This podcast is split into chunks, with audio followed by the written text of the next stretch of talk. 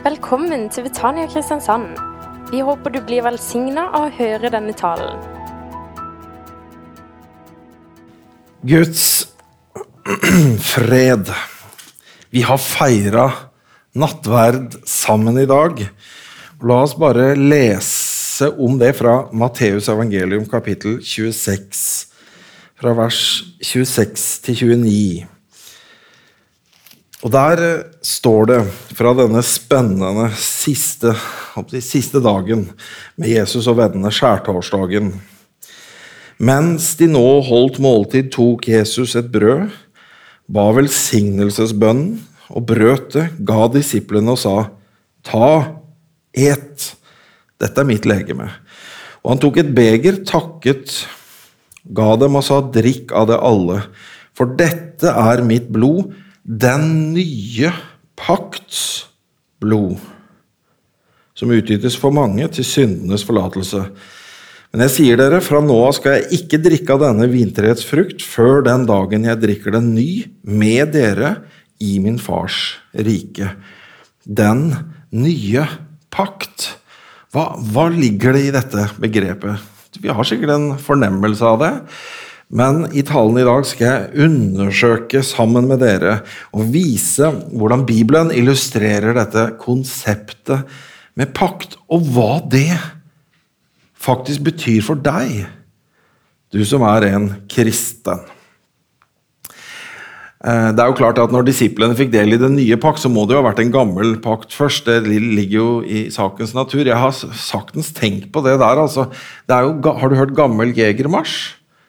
Altså, Hva het den når den var ny? Det, det vet jeg egentlig ikke svaret på. Men, men, det der med ny og gammel, det, det ligger jo liksom i sakens natur. Og, og hva, hva, dette med pakt er Vi går til Det gamle testamentet i Bibelen. Vi, ja, hvis du er opptatt av sånt, Det er ikke jernalder, det er bronsealder, kanskje til og med ned i steinalder. Altså, Det er noe som stammer fra det gamle, gamle tida. Det er det som stammer fra når mennesker levde uten at det var en stat uten at det fantes et forsvar, uten at det fantes en kommune, uten at det fantes en velferdsstat. Hvordan skulle du klare deg da?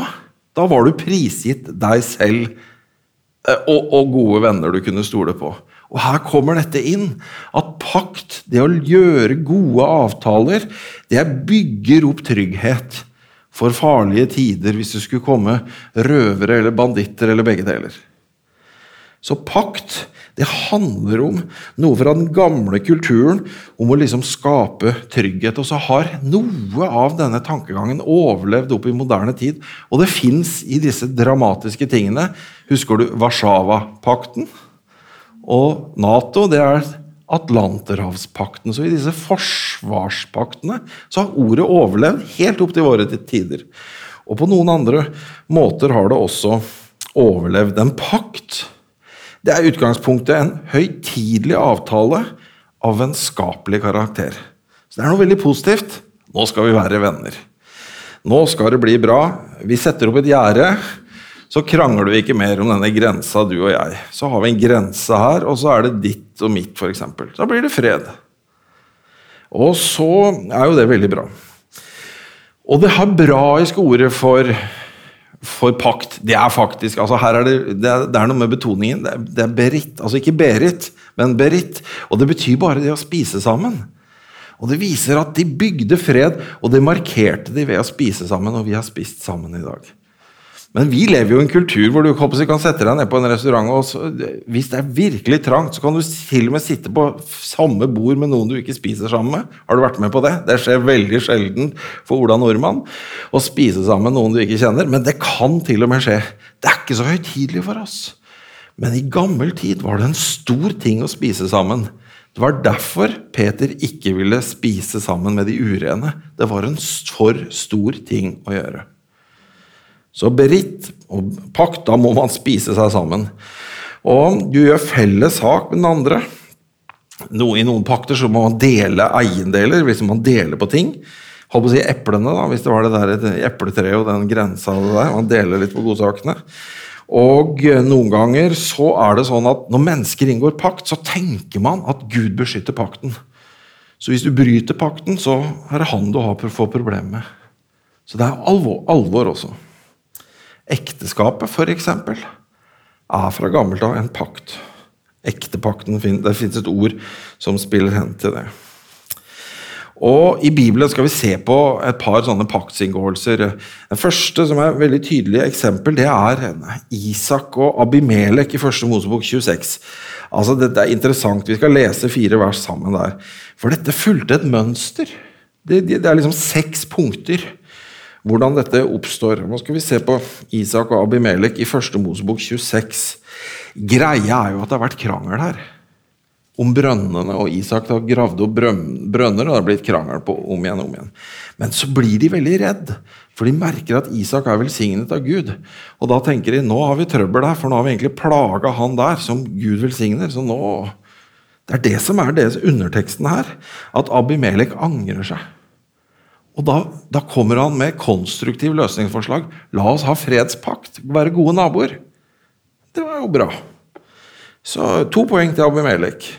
Men eh, første Mosebok 26 fra vers 28, der står det eh, Abimelek og de sier til Isak Vi har tydelig sett at Herren er med deg. Egentlig er han redd. Derfor sier vi la det være et edsforbund, det er synonym til pakt, mellom oss, mellom deg, meg og deg, også deg. La oss få slutte en pakt med deg. Det tas et initiativ.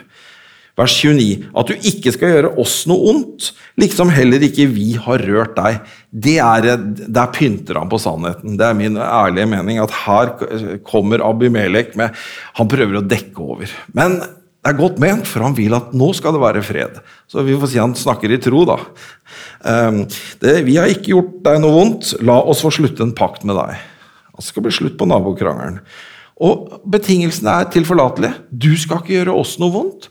Og vi skal ikke gjøre deg noe vondt. Dette er jo tipp topp. Alle må jo være fornøyd med den her. Eh, og, eh, og, du er Herrens velsignede, sier han i tillegg der. Det er et sterkt uttrykk i denne fortellingen. Og så i vers 30 så gjorde han et gjestebud. Her kommer spisinga inn. For dem, og de åt og drakk. Nå, nå, nå er det liksom høytidsmiddag. De spiser og drikker. Og i vers 31.: Morgenen etter sto de tidlig opp og sverget hverandre sin ed. Så lot Isak dem fare, og de dro fra ham i fred. Altså et initiativ, det fastsettes betingelser, det er en eller annen seremoni, og det sverges en ed. Og andre ting som kan skje, er at det, det gjøres et slaktoffer. Og ikke så rent sjelden er det da sånn at man ofrer et dyr, og det er det dyret som blir spist. Og så blir det en, en, som en del av en seremoni. Og noen ganger, for det sjette, så reiser man et minnesmerke, en stein. Et tegn, et merke på noe, på noe vis. Så sånn inngikk de gamle sine pakter. Noen ganger byttet de klær. Pussige ting. Eller så ble de velsignet med salt, for det helte saltpakter. Og at blod utøstes typisk ved at et dyr slaktes. Og blodspakter, det var de mest alvorlige. Der lå det liksom an til at det var uh, ubrytelig.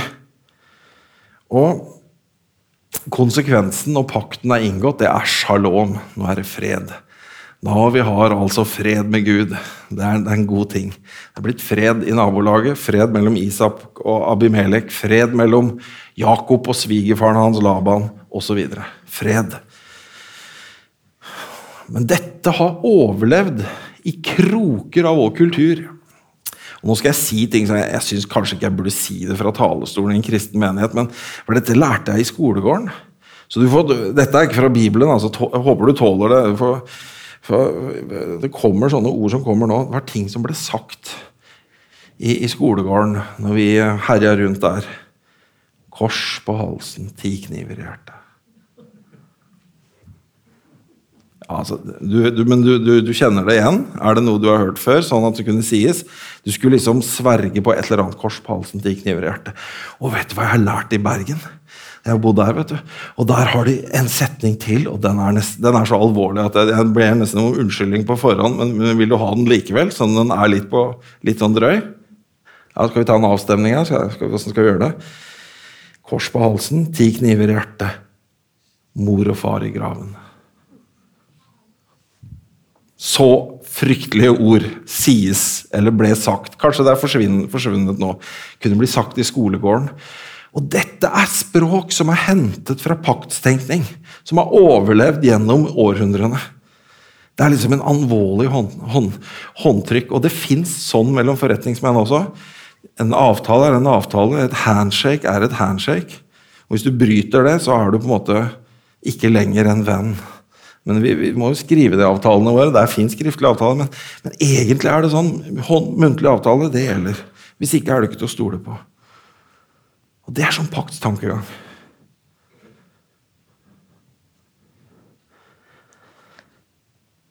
Nå skal vi bli med til en veldig helt vanlig dag i den gamle verden. Du kommer nok til å bli ganske forskrekka over det du skal få se nå. For det er en mann som heter Abraham, som tar en kvige. Jeg er jo bygutt, så jeg må jo få forklaring hva det er. Altså, det er en ku som ikke har fått kalv. ikke sant? En kvige. Tre års gammel kvige. En vær. En geit. Det står at han deler dyrene midt over. Jeg, jeg har ikke sett bildet. Var det den veien, eller var det den veien? Det var en kraftig affære uansett. Så deler han dyret i to stykker. Kvigen, væren, geiten, og så var det en uh, turteldue og en dueunge. Den lå visst liksom på ene sida. Så du ser liksom at han, han, lager, han lager en midtgang. Han lager en midtgang, og vi syns jo dette er veldig kraftig kost. Har du vært på slakteriet noen gang? Altså, og Tenk deg den duften. Ja, lukten, må vi vel heller si. Det er kraftig kost, dette her. altså. Men naboene de, de bare, ja, de skjønner godt hva som skjer. De reagerer ikke på dette. De tenker bare Hvem er det Abraham skal inngå pakt med nå? For dette er en høytidelig seremoni hvor det gjøres et slakteoffer, og så skal det spises, og så skal det inngås en pakt, en blodspakt. Og så sovner Abraham, han får marerittdrømmer. Men samtidig i drømmen får han en profeti om at israelsfolket skal bli fridd ut fra Egypt. Og Det står også at han, han, det kommer gribber og Hva slags rovfugler er det som liker seg på sånne steder? Gribber og ørner og katafalker? Jeg, nei, det er noe annet. Falker og det ene med det andre. Jeg ser liksom for meg han finner opp golfspillet der, for han går med denne hyrdestaven sin og slår disse fuglene unna. Vekk! Det er ikke for dere! Det er et hellig måltid, dette her. Han får dem unna, men så sovner han da. Og mens han sover og egentlig har en marerittlignende drøm, da blir naboene forferdet. For da kommer ilden og går mellom kjøttstykkene. Da stusser naboene. Dette har de aldri sett før. De har sett to og to gå sammen, si, gå opp midtgangen, nesten som når man gifter seg. Ja, det, det, er der det kommer fra. Gå opp midtgangen. Denne seremonielle måten å gjøre det på. Middag etterpå. Men når det er ilden som går der, da blir naboene forskrekka. For de sier det er Abrahams Gud. Det er Abrahams Gud som går mellom kjøttstykkene. Og Abraham sover, og han sover ikke godt, ser vi. Han har mareritt. Da får de ærefrykt for Abraham og Abrahams Gud. Abraham har en gud som går mellom kjøttstykkene. Og vet du hva? Det er nesten som om det er språket fra skolegården. Kors på halsen, ti kniver i hjertet, mor og far i graven. For det det betyr, det er hvis jeg ikke holder det jeg lover, så skal det gå med meg som med kvigen. Som med væren. Som med geiten. Som med duen og turtelduen. Så Gud sier, 'Jeg går i døden før jeg bryter løftet mitt til deg'. Det er det som skjer den dagen. Det er veldig sterk kost. Gud inngår pakt med Abraham. Og det er jo ikke to jevnbyrdige, sånn som det egentlig er. For hva har Abraham å gi tilbake? Han kan bare som oss ta imot det Gud har å gi. Og pakten med Israel bygger på denne Abrahamspakten. Det står helt tydelig i andre Mosebok at, at hele utvelgelsen av Israel bygges på dette som jeg har nå beskrevet ett av elementene i. I andre Mosebok 2,24 så står det at Gud hørte israelittenes sukk og kom i hu sin pakt med Abraham. Og pakten blir inngått i andre Mosebok kapittel 19. Og de ti bud som kommer i kapittelet etterpå, er liksom en del av den pakten, Israelspakten. Og Der står det i 2. Mosebok 19,5.: Dersom dere nå virkelig vil høre min røst og holde min pakt, da skal dere være min eiendom fremfor alle folk, for hele jorden er min. Så israelsfolket går sammen med Moses inn i en fornyelse av Abrahamspakten. Og så er det en sørgelig undertone, fordi Det gamle testamentet-historien er historien om at israelittene er svake og svikter pakten med avgudsdyrkelse og andre ting gang på gang. Men Gud er trofast. Men det er likevel helt klart dette holder ikke. Det er ikke bra nok. Og da kommer profetiene i Det gamle testamentet om den nye pakt. Det skal komme noe som er bedre. Det skal komme noe som duger. Det skal komme noe som holder. Som ikke faller ved menneskelig svakhet, men som står. De, dette begynner å komme fram. I Jesaja f.eks. 49, 8, så står det at pakten skal fornyes. Og Nå blar jeg, vet du, det er så mange bøker i Det gamle testamentet, og det er sannelig lett å hoppe over noen av dem. I Jesaja 49, 8, vet du, der står det på den tiden som behager meg, bønnhører jeg deg, og på frelsens dag hjelper jeg deg. Jeg vil bevare deg og gjøre deg til en pakt for folket, for at du skal gjenreise landet og utskifte de øde arvedeler. Gud kommer, husker pakten og vil fornye den. Og ikke bare vil han fornye den med Israel. I Isaiah 42 begynner dette å sive inn at grensen sprenges. At det ikke bare er eksklusivt for Israel, men at det skal bryte grensen til andre folk. Jesaja 42, 6. Jeg, Herren, har kalt deg i rettferd og tatt deg ved hånden. Jeg vil verne deg og gjøre deg til en pakt for folket, til et lys for hedningene. Ja, plutselig gjelder det oss. Som kommer fra Lund eller andre, Brooklyn eller hvor som helst. ikke sant? Vi, det gjelder, Plutselig er vi med på halen av denne fortellingen. Og så kommer da det dramatiske fra Jeremia 31, hvor dette settes eksplisitt i, i, i, ord på. Jeremia 31, 31. Og Der står det De dager vil komme, sier Herren, da jeg vil opprette en ny pakt med Israels hus og med Judas hus. Den skal ikke være som den pakten jeg opprettet med deres fedre på den dagen jeg tok dem ved hånden og førte dem ut av landet Egypt. Den pakten med meg som de brøt Nei, jeg var deres ektemann, sier Herren. Men dette er den pakten jeg vil opprette med Israels hus etter de dager. Jeg vil gi min lov i deres sinn og skrive den i deres hjerte. Jeg vil være deres Gud, og de skal være mitt folk. De skal ikke lenger lære hver sin neste og hver sin bror å si 'kjenn Herren', for de skal alle kjenne meg, både små og store, sier Herren. For jeg vil forlate deres misgjerning og ikke lenger minnes deres synd. Så i dette bildet så stiger det fram en sånn profetisk åre. Gud vil komme med en ny pakt, og den vil inkludere hedningene. Det vil inkludere oss som er langt borte, som det lyder i, i, i talen på, på, pinsedag. Og Dette slår inn i Det nye testamentet, f.eks. i Lukas evangelium kapittel 1. Like før Jesusbarnet skal fødes, og hvem er det? Er det selveste eh, Zakaria som, som, priser Gud der, i Lukas 1, og nå mistet jeg verset 68. Ja da, der kommer Zakaria, og her kommer lovprisningen han. Han ble jo stum fordi han ikke trodde han skulle bli far. Men så skrev han på tavlen han skal hete Johannes. Og Da kom stemmen tilbake, og det første han gjør, det er å prise Gud for den nye pakt som er i kjømda. Lovet være Herren Israels Gud, fordi han så til sitt folk og forløste det. Han oppreiste for oss et frelsens horn eh, i sin tjener Davids hus, slik han fra gammel tid av var talt ved sine hellige profeters munn. En frelse fra våre fiender og fra alle deres hånd som hater oss, for å gjøre miskunn mot våre fedre, komme sin hellige pakt i hu det løftet han ga Abraham, vår far, med ed, om å fri oss fra våre fienders hånd og gi oss å tjene ham uten frykt, i hellighet og rettferdighet, for hans åsyn alle vårt livs dager. Og du, barn, nå snakker vi om Jesus, skal kalles den høyestes profet. Og du skal gå fram for Herrens åsyn for å rydde hans veier.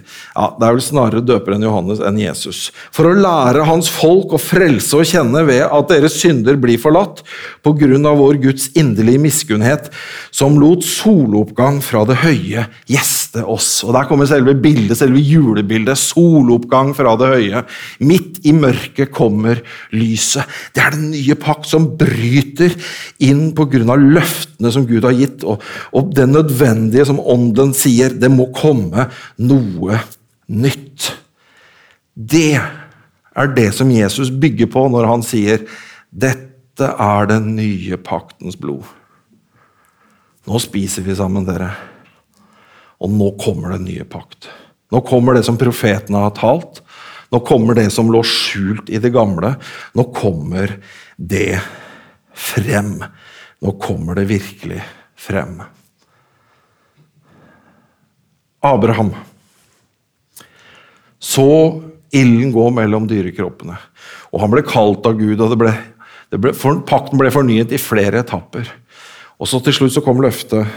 Du skal få en sønn. Så sier han jeg er gammel og jeg har jo en sønn med den andre kvinnen. Men nei, det er ikke han. Du skal få løftesønnen. Du og Sara skal få løftesønnen. Så kommer Isak. Løftesønnen, alderdommens sønn. De er gamle. Bibelen forteller at de er 100 år og 90 år gamle. Det er reinspikka mirakel. Her kommer Isak. Og Så kommer da dagen i første Mosebok kapittel 22, hvor Abraham kjenner at Gud taler. Du skal ofre Isak.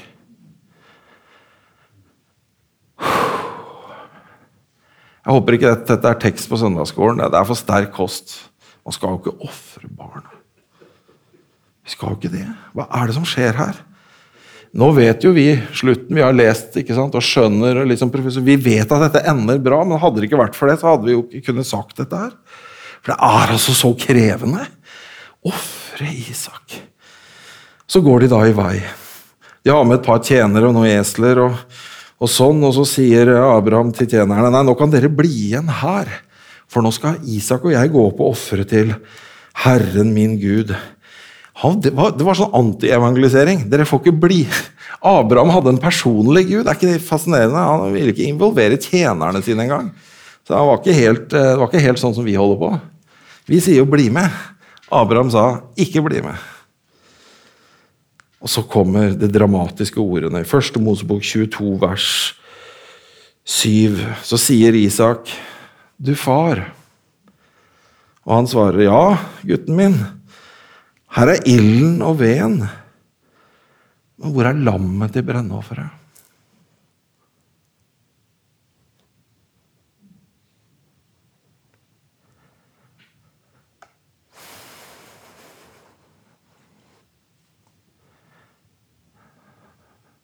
Jeg skjønner at Abraham ikke klarer å svare direkte. Han blir sympatisk for meg når han pakker det inn. Men ånden er over han. Uten å vite det taler han profetisk, for han sier ehm, ehm, Gud selv vil utse seg offerlammet, gutten min. Abraham tenker Isak, men uten å vite det har han talt ut et annet offerlam som Gud selv vil utse seg. Han vet det ikke ennå. Men han har talt profetisk. Han har talt profetisk. Noe skal skje. Og da de kom til stedet Gud hadde sagt til Amoria-klippen, der bygde Abraham alteret og la veden til rette. Det er Abrahams fjerde alter som han bygger. Så bandt han Isak, sin sønn. Derfor kaller jødene dette bindeteksten. De ser seg selv som den som er bundet gjennom historien. Men vi leser videre. da bandt han Isak sin sønn og la ham oppå alteret oppå veden, og Abraham rakte ut hånden og tok kniven for å ofre sin sønn. Det bildet der syns jeg er krevende. Er det derfor det ved en anledning tales om Abrahams Gud og Isaks redsel? Legg merke til at det står Abrahams Gud og Isaks redsel. Og jeg kan ikke fri meg for å se at Isak aldri får et like nært forhold til Gud som Abraham. Men i dette øyeblikket så roper himmelen Gjør ikke gutten noe vondt! Legg ikke hånd på han! Og så kommer svaret. Ehm, For nå vet jeg at du frykter Gud, siden du ikke har spart din sønn, din eneste, for meg. Er det ringer det noen bjeller? Ikke spart din sønn, din eneste. Det er jo dette romerbrevet siterer når, når det sies 'han som ikke sparte sin sønn, sin eneste sønn, men ga han for oss'. Hvordan kunne han gjøre annet enn å gi oss alle ting med ham? Det peker rett fram til Jesus. Rett fram til Jesus. Midt i denne paktsvirkeligheten. Og så taler engelen for andre gang, og nå kommer det. Første Mosebok 22, 15. Herrens engel ropte for andre gang fra himmelen. Jeg sverger med meg selv, sier Herren, fordi du gjorde dette og ikke sparte din sønn, din eneste sønn, så vil jeg storlig velsigne deg, gjøre din ett så tallrik som stjernene på himmelen, som sand på havets strand. De ett skal ta sine fienders porter i eie, og så kommer det som gjelder oss. Og i din ett skal alle jordens folk velsignes, fordi du adlød mitt ord. Hva skjer? Jeg sa det bare var slang fra skolegården. Men det er jo virkelighet. Kors på halsen, ti kniver i hjertet. For Jesus oppfyller det som Abraham ikke skulle oppfylle. Nei, du må ikke, du ikke ofre sønnen din Isak. Det er som Gud sier, 'Jeg så at du var villig, men jeg skal gjøre det'. For jeg er han som har gått som en ild mellom kjøttstykkene og sagt 'Jeg skal holde det jeg har lovt deg, om så det koster meg døden'. Og på Golgata så oppfyller Gud det. Kors på halsen, ti kniver i hjertet. Jeg går i døden. Jeg holder det jeg lover. Det er akkurat som om Abraham tror verdens frelse til virkelighet ved at han er villig. Det er akkurat som, jeg, jeg tror det! Og Nytestamentet sier Abraham trodde at Gud skulle reise Isak opp fra de døde. Og sier til og med at det er et slags forbilde at Jesus sto fra de døde. For han, Isak gikk jo ikke døden. Og Jesus er levende. Så Sånn tolker Det nye testamentet. For vi kan se det fra seierssiden, at Gud har gjort noe vidunderlig gjennom dette. Den nye pakt er en blodspakt, sier hebreerbrevet. Jesu blod roper høyere enn urettferdighetens blod, eh, Abels blod. Og han er en mellommann for en ny og bedre og herligere pakt, står det i andre Korinterbrev, kapittel 3 og vers 6. Ja, nå var det krøniker og korinter det går om hverandre her. Andre Korinter 3,6. Han som gjorde oss dugelige til å være tjenere for en ny pakt. Ikke bokstaven, men åndens pakt. For bokstaven slår i hjel, men ånden gjør levende. Akkurat denne, denne dramatikken der på alteret på Moriaklippen. Død og liv. Og dåpen, vet du det spiller hen på det samme, for det kan vi lære fra 1. Peterbrev kapittel 3. At nettopp dåpen, hvor vi blir begravet med full neddykkelse liksom Dåpens grav Der nede, vet du, du kan ikke være der lenge.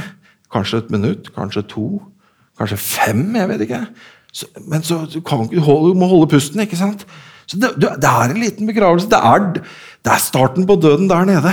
Men så reises vi opp, vet du. Så vannet renner av oss, og da er vi kommet inn i pakten, den nye pakt. For det står i 1. Peter 3,21 at det, som, eh, det, det er ikke en avleggelse av kjødets urenhet, men en god samvittighetspakt med Gud. Sånn er det. Og Da kommer vi inn i disippelskapet i den nye pakt. Du skjønner, Det å være en disippel det er, ikke liksom, det er ikke som å stemme på et politisk parti. Det er den jeg tror mest på. Eller det er ikke liksom bare det å holde for sant at Jesus er verdens frelser. Det, det stikker dypere. Det er å gå inn i pakt. Han eier deg.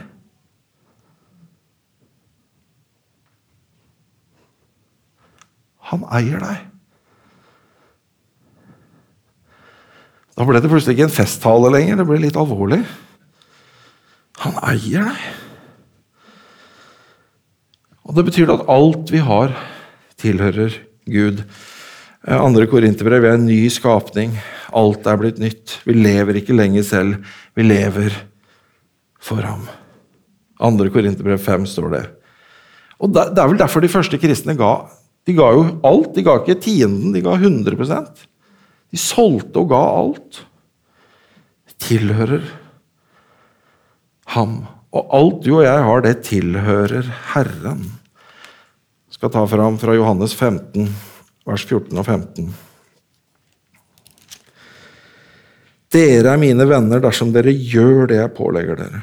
Jeg kaller dere ikke lenger tjenere. Tjeneren vet ikke hva Hans Herre gjør, men dere er kalt venner. For alt det jeg har hørt av min far, har jeg kunngjort dere. Vi har et nært fellesskap med ham.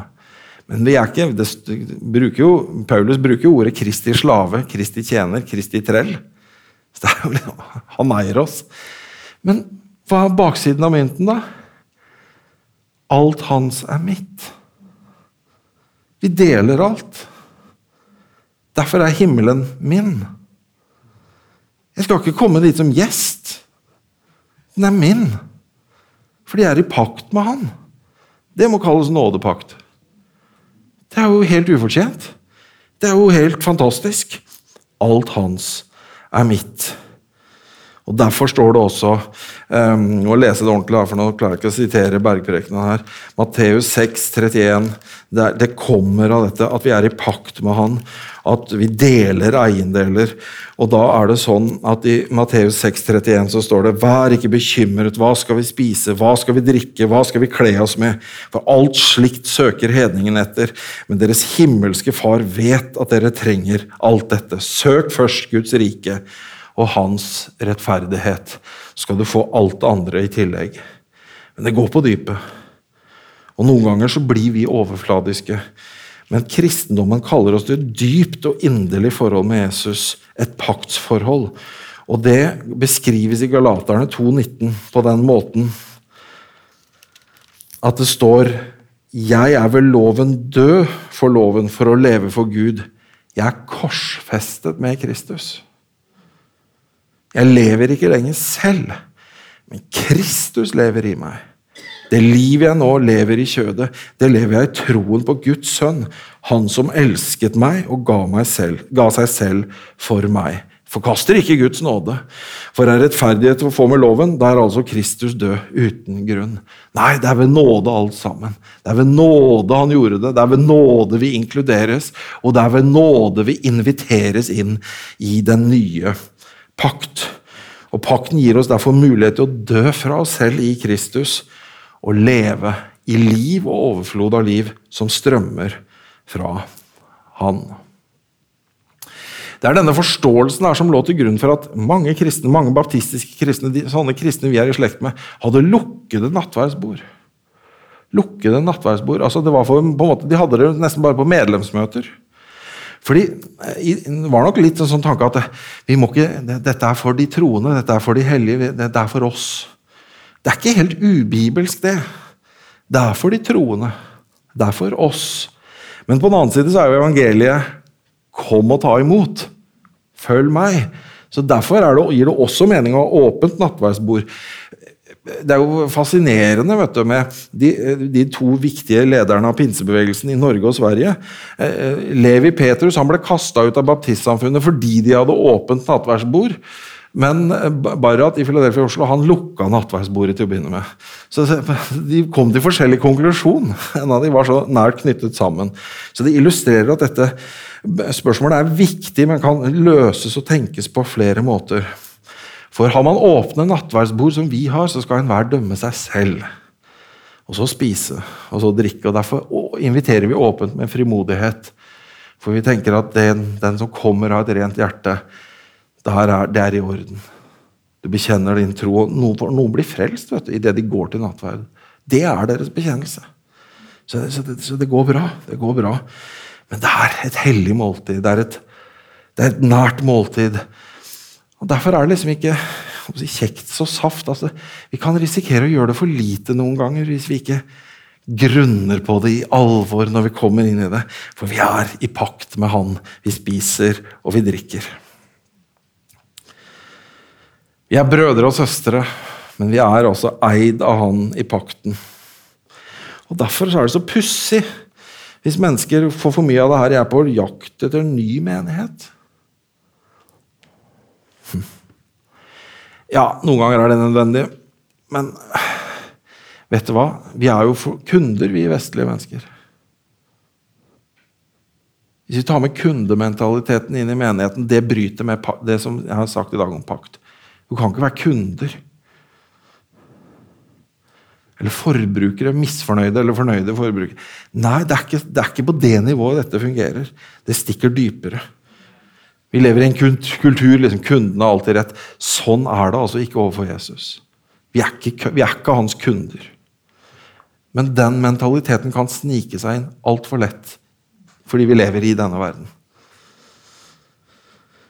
Det er alvorlig å forlate Kristus.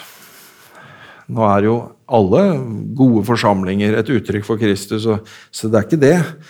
Men foreningsmentaliteten Jeg er medlem her, jeg har en stemme. Og øh, andelseiermentaliteten og forbrukermentaliteten kan utarme oss. Han eier oss. Det er ikke menigheten som eier deg, det er han som eier deg. Og det utfordrer livet vårt. Det er noe vi tar med oss. For vi lever i den nye pakt. Jesus talte i en av sine mange store taler, Johannes kapittel 6, om livets brød, vet du. Og det står til og med at mange av disiplene tar anstøt. Da står det Johannes 666. 666. Etter dette trakk mange av disiplene hans seg tilbake og gikk ikke lenger omkring med han. Jesus sa da til de tolv, vil også dere gå bort? Og så i et gyllent øyeblikk så svarer Peter. Herre, hvem skal vi gå til? Du har det evige livets ord. Det er jo ingen andre å gå til. Det er jo dette som er friheten. Den sønnen får frigjort, blir virkelig fri. For når vi binder oss til Kristus på denne måten, så har vi det evige livets ord.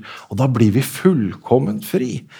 Det er jo paradokset at ved å bli Kristi slave, så blir vi fullkomment fri.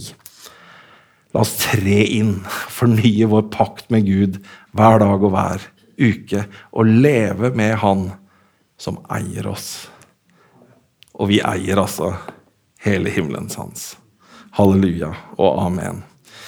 Kjære Jesus Kristus. Jeg takker deg, Jesus, for at du har kalt oss til fellesskap med deg. Du kalte oss ikke bare til nattverdsbord, du kalte oss til fellesskap med hverandre og med deg i liv og i tjeneste. Jeg takker deg, Herre Jesus, for at du ble sendt fra himmelen med dette budskapet. Du kom oss nær, så nær som brød og vin. Jeg takker deg for at du også sammen med Faderen sendte Den hellige ånd. Og du er iblant oss. Du var med oss i nattverdsfeiringen i dag. Du er til stede i ordets forkynnelse, og du taler til våre hjerter i dag. Og hvis vi trenger å legge om kursen, hvis vi trenger å legge om innstillingen vår, hjelp oss til det ved Den hellige ånd, så vi kan få lov til å være dine. Du som gikk mellom kjøttstykkene som en ild. Du som ga deg selv på korset og betalte prisen for at vi kan få si 'Han er min, og jeg er hans'. Så be deg, Herre Jesus Kristus, at du må bruke oss i din tjeneste den uken vi nå går inn i. Amen. Du har nå hørt en tale fra Betania Kristiansand. For mer informasjon kan du besøke våre hjemmesider på betaniakrs.no.